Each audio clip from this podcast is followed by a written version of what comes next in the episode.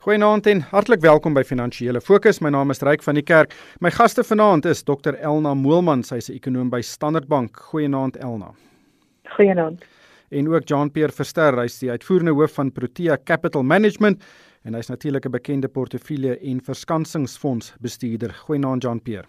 Goeienaand Ryk. Elna, ek wil begin by die graderingsagentskap Moody's het hierdie week 'n beleggingskonferensie in Johannesburg gehou en dit was baie interessant. Moody's is natuurlik die enigste graderingsagentskap wat nog 'n beleggingsgradering aan Suid-Afrikaanse skuld heg. En wat hulle gesê het was baie interessant. Moody's het gesê Suid-Afrika het nog ruimte om die nodige strukturele veranderings aan te bring om die fiskale skip te draai en dat hulle nie in die nabye toekoms afgradering voorsien nie. En terselfdertyd het twee plaaslike sake vertroue indekse hierdie week verskyn. Hulle het meet uiteenlopende dinge, maar albei het geval tot 'n uh, dekade laagtepunte. Die een het geval tot 'n 30 jaar laagtepunt en die ander een tot 'n 20 jaar laagtepunt. Hoe vereenselwig jy dit?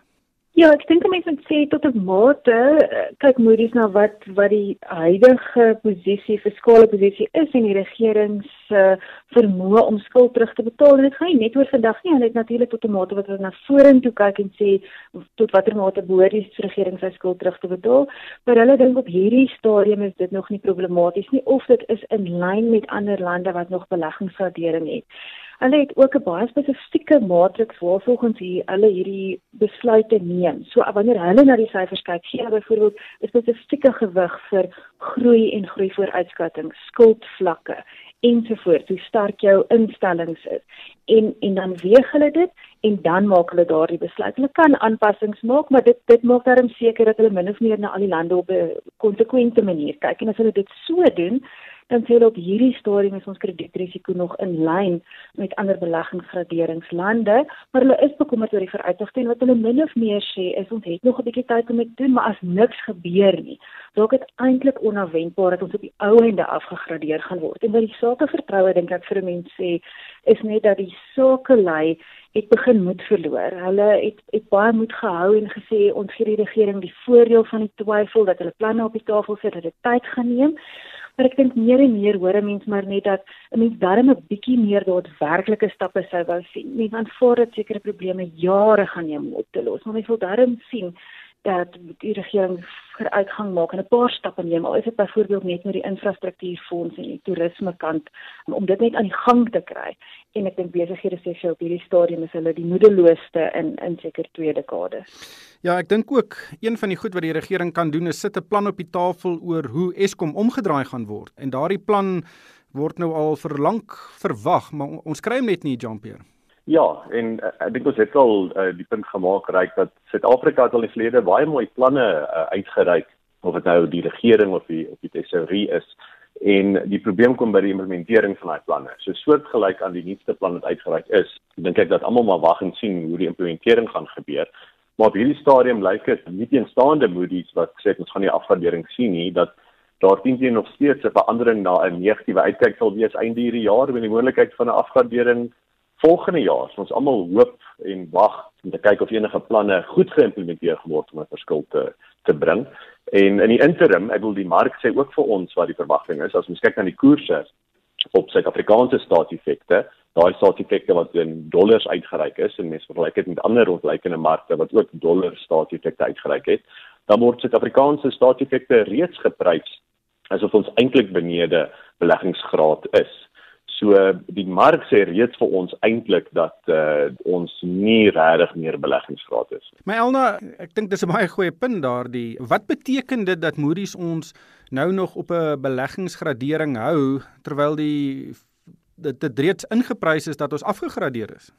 Ja, ek dink vir die mark het gesê is Moody's sê vir jou op hierdie stadium is hulle nog bereid om nou die voordeel van die twyfel te gee en 'n bietjie tyd te gee en die mark sê net vir jou selfs al gee jy die regering sê net maar nog 'n jaar of twee die mark het moed opgegee dat daar genoeg gaan gebeur om die situasie te verbeter. Dit is ons het nou berekeninge doen met jy ten minste ekonomiese groei hê in die medium termyn van so 2.5% net om seker te maak dat jou skuldvlakke stabiliseer. En ek dink wat ons oor die afgelope paar maande gesien het, is net dat meer en meer beleggers sê, jy weet, groei gaan dalk 'n bietjie beter wees, maar dit is baie moeilik om 2 2.5% te sien. So dan sê jy vir jouself skuldvlakke gaan nie eers stabiliseer nie, dit gaan aanhou om slegter te word.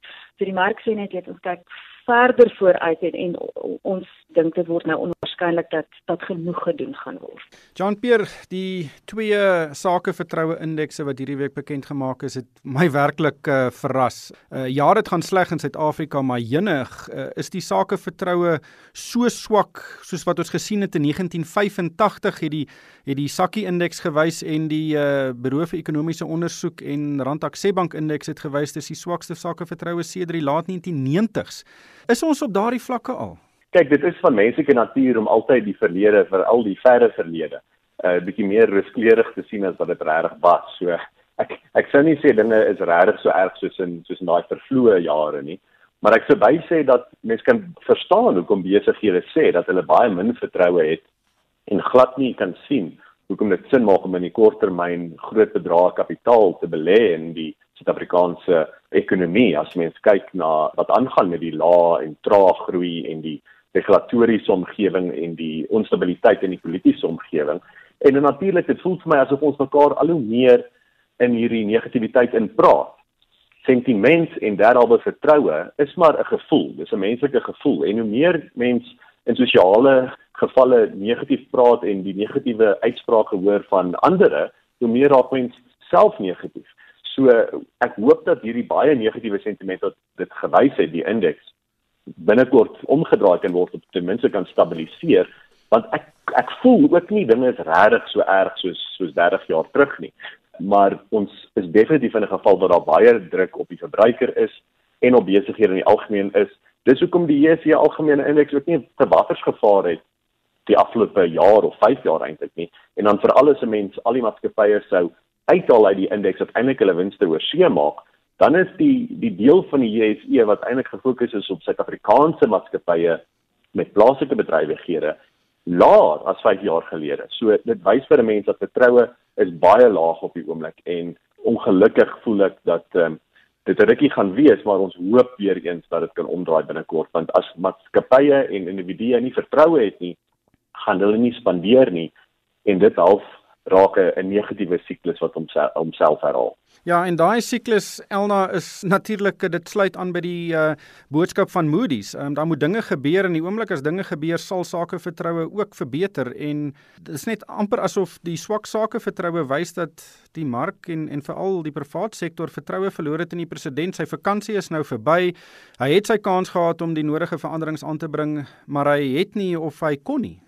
Ja, ek wil graag twee goed opsê. Ek dink die een is dat in terme van 'n paar van die goed wat hy beloof het, klink dit asof daar tog hier teen die 4de kwartaal 'n paar stappe geneem gaan word. Met ander woorde, die regering praat nog steeds van die infrastruktuurfonds wat aan die einde van die jaar vrygestel gaan word. Ons dink ook hier aan die elektroniese visas wat hier teen die einde van die jaar behoort gereed te wees. So, ek dink ons kan hom nog so 'n klein bietjie ruimte gee vir van daardie spesifieke um, stappe wat hy beloof het en ons hoop dan dat dit gebeur. En ek dink nie mense gaan veel nodig hê om hierdie siklus te daar gegee hoe negatief dit is nie, maar ek dink die tweede punt wat 'n mens ook moet maak is dat die wêreldekonomie maar 'n deel van hierdie probleem is. Ek kyk nou byvoorbeeld na die nuutste groei vooruitskatting. Die groei vooruitskatting vir hierdie jaar is eintlik nou die slegste wat dit was vanaf 2009 en dit was voordat ons die laaste ronde van onsekerheid oor die internasionale handelsoorlog in ag neem. Ons kyk na die leidende aanwysers en dan is dit ook eintlik maar so sleg soos wat dit min of meer in die tyd van die internasionale krisis was. So ek dink dit is beide 'n kombinasie van ons sien nie iets plaaslik wat dit beter lyk like nie en internasionaal is die prentjie maar redelik donker en natuurlik baie onseker. En Jean-Pierre te midde van al hierdie dinge, hierdie wisselkoers baie mooi versterk die afgelope week. Hoekom dink jy het dit gebeur?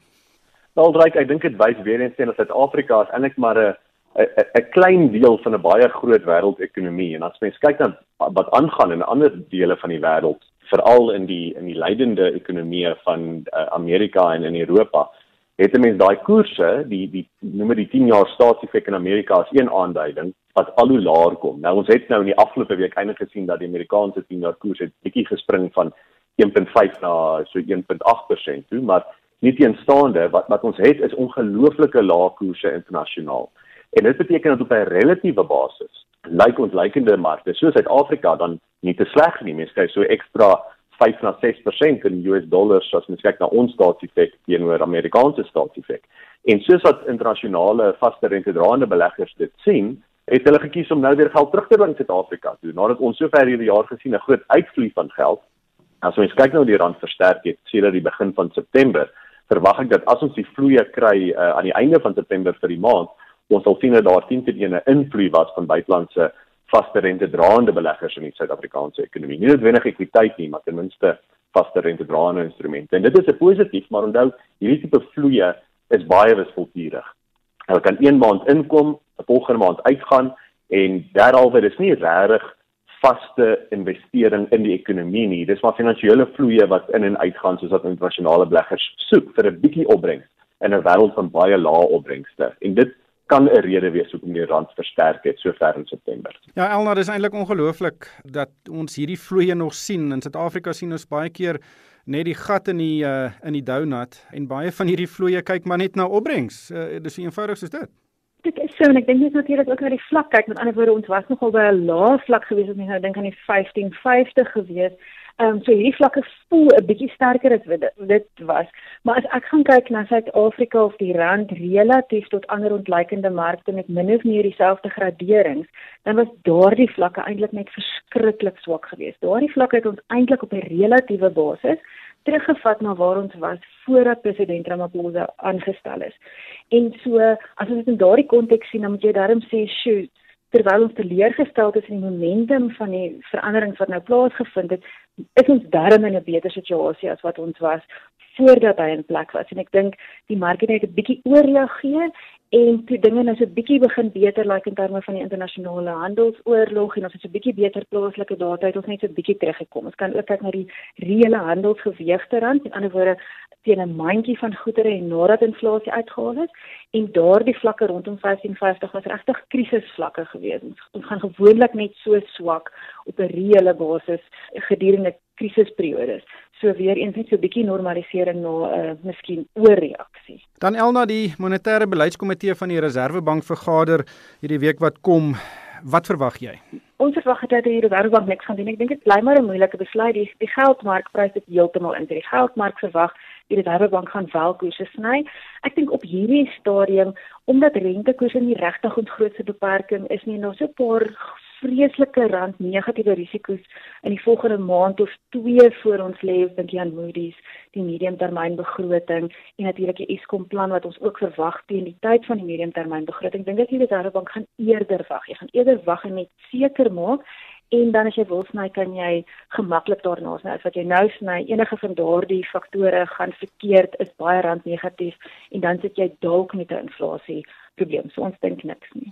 Maar die reservebank kan sekerlik tog nie faktore inreken wat die wisselkoers kan beïnvloed wat totaal en al onvoorspelbaar is nie. Jy moet maar op die feite op die tafel kyk en op die oomblik is die rand relatief sterk en inflasie is glad nie 'n probleem nie Ja, ek dink op hierdie stadium sien jy 'n groei vooruitskattinge vir jou die die ekonomie kan doen met 'n bietjie verligting en die inflasie syfers ons inflasie vooruitskattinge is nog 'n bietjie laer wat die Reserwebank sien is. Maar ek dink hulle wil eerder net seker maak dat daardie prentjie in plek bly. So ek dink nie dit gaan oor die vooruitskattinge nie, ek dink dit gaan oor die risiko's wat die Reserwebank bestuur altyd maar en kyk altyd maar na beide. So ek dink is eerder maar net daardie risiko's wat hulle net gaan sê en weet ons kan liewerster net oor 2 maande het ons weer 'n vergadering en, en kan ons weer dit herbesin. Maar ek dink die die teenargument van wat ek nou gesê het is as ek gaan kyk wat die Reserwebank in die verlede gedoen het en ek kyk waar reële rentekoerse nou is teenoor die kere wat hulle in die verlede gesny het, dan is hierdie vlakke van reële koerse ten minste meer op die vlakke waar hulle voorheen gesny het. So so dit sal dan wel ondersteuning gee vir die marksiening dat hulle kan sny volgende week eerder as as ons siening dat hulle dalk 'n bietjie gaan wag. Ja, rentekoerse is nie 'n 'n knoppie wat jy druk vir ekonomiese groei nie, maar ten minste help dit so bietjie. Jean-Pierre net laastens, ons het hierdie week gesien die lang verwagte ontknoping van Prosus uit Naspers. Nou Prosus uh, natuurlik besit al Naspers se internetbelange insluitende sy 31% in Tencent. Prosus is genoteer in Amsterdam en in Johannesburg. Wat was jou indrukke vir die notering en dink jy aandeelhouers het gewen? Ja, dit was 'n positiewe notering en aandeelhouers het gewen. Die vraag word vra natuurlik hoeveel het hulle gewen en daar kan 'n mens of vergelyk van van die dag net voordat die uh, notering gebeur het, dus van Dinsdag na Woensdag met die notering. Maar mens kan ook vergelyk van toe die aankondiging gemaak was vroeër in die jaar dat uh, Prosus wel geskep en genoteer gaan word teenoor afgelope Woensdag en as mens kyk en vergelyk om te probeer bepaal wat se waar is ontsluit, dan was daar nie 'n groot ontsluiting tussen Dinsdag en Woensdag nie. Die totaal van 'n Naspers aandeel en 'n Prosus aandeel en die dividend wat betaal was van R7.15 op Woensdag teenoor 'n enkele Naspers aandeel op Dinsdag was omtrent net onder 2% van 'n ware toevoeging tussen Dinsdag en Woensdag met die notering van Prosus. Sowel ware toevoeging, maar nou nie nou nie eintlik groot nie. En binne dit het ons gesien dat meeste van daai ware ontsluiting het gebeur in Prosus terwyl Naspers eintlik nog steeds in diskonto verhandel teenoor Prosus. So net half 'n verskuiwing van die diskonto as mens wel vergelyk Woensdag se pryse teenoor vroeër die jaar toe dit aangekondig is dat Prosus genoteer sal word, dan kyk mens meer na 5 na 6% vermindering in die diskonto wat Naspers teen verhandel teenoor sy onderliggende bates. En 5 na 6% is wesentlik. Nou die onderliggende bates het ook goed gedoen teen begin van die jaar. So 'n Naspers aandeelhouer het blink geglimlag Woensdag, maar dit is ook goed vir aandeelhouers wat meer onlangs gekoop het om te sien dat hierdie diskonto vernou het tussen Naspers en die som van die onderliggende bates. Die enigste ding is nou in plaas van dat Naspers direk aandelehouding in Tencent en 'n paar ander bedrywighede het, het Naspers nou 'n tussenganger in die vorm van Prosus. So Naspers is 'n Prosus, Prosus is die onderliggende en dit beteken dat daar nou twee diskontos is, een tussen Naspers en Prosus en een tussen Prosus en die onderliggende beleggings in Tencent en ander en die som van daai twee diskontos is effe laer as die enkele diskonto wat Naspers vroeër gehad het. So dit was 'n positiewe stap gewees die notering, maar ek dink baie beleggers verwag ook dat daar verdere stappe gedoen moet word om hierdie diskonto in proses verder te vernou. Maar Jean Pierre dit kan nog 'n impak hê en dit is dat buitelandse beleggers nou eerder Prosus aandele in Amsterdam koop as wat hulle in die verlede Naspers aandele in Suid-Afrika moes koop om blootstelling te kry aan Tencent. Hoe gaan dit die plaaslike mark beïnvloed? Ek stem saam, ek stem saam. Ja, so dit kan die JSE in terme van 'n besigheid negatief beïnvloed want ons sal minder volume van verhandeling wees in Naspers wat letterlik elke dag by verre die mees verhandelde aandeel is op ons mark in waarde terme. So dit is nie goed vir die JSE nie. En dan soos jy korrek sê, daai beleggers hoef ook nie hulle oorsee se geldeenhede in rande om te ruil om Naspers te koop nie. Hulle kan dit sommer direk in Amsterdam doen in euros. So dit is ook nie noodwendig goed in terme van toekomstige vloeye en 'n versterking van die rand nie. So dit is die een negatiewe impak wat dit moontlik kan hê. So alhoewel aandeelhouers in Naspers glimlag van 'n breër ekonomiese perspektief en van 'n breë JSE perspektief, gaan ons dink in vorentoe sien dat daar 'n netto negatiewe impak was as gevolg hiervan. Ons sal dit daar moet los. Baie dankie aan my gaste vanaand, Dr Elna Moelman, sy is ekonom by Standard Bank en ook Jean-Pierre Verster, hy is die uitvoerende hoof van Protea Capital Management en hy's ook 'n uh, bekende portefeulje en verskansingsfondsbestuurder. En van myself Ryk van die Kerk, dankie vir die saamluister en ek koop almal 'n winsgewende week.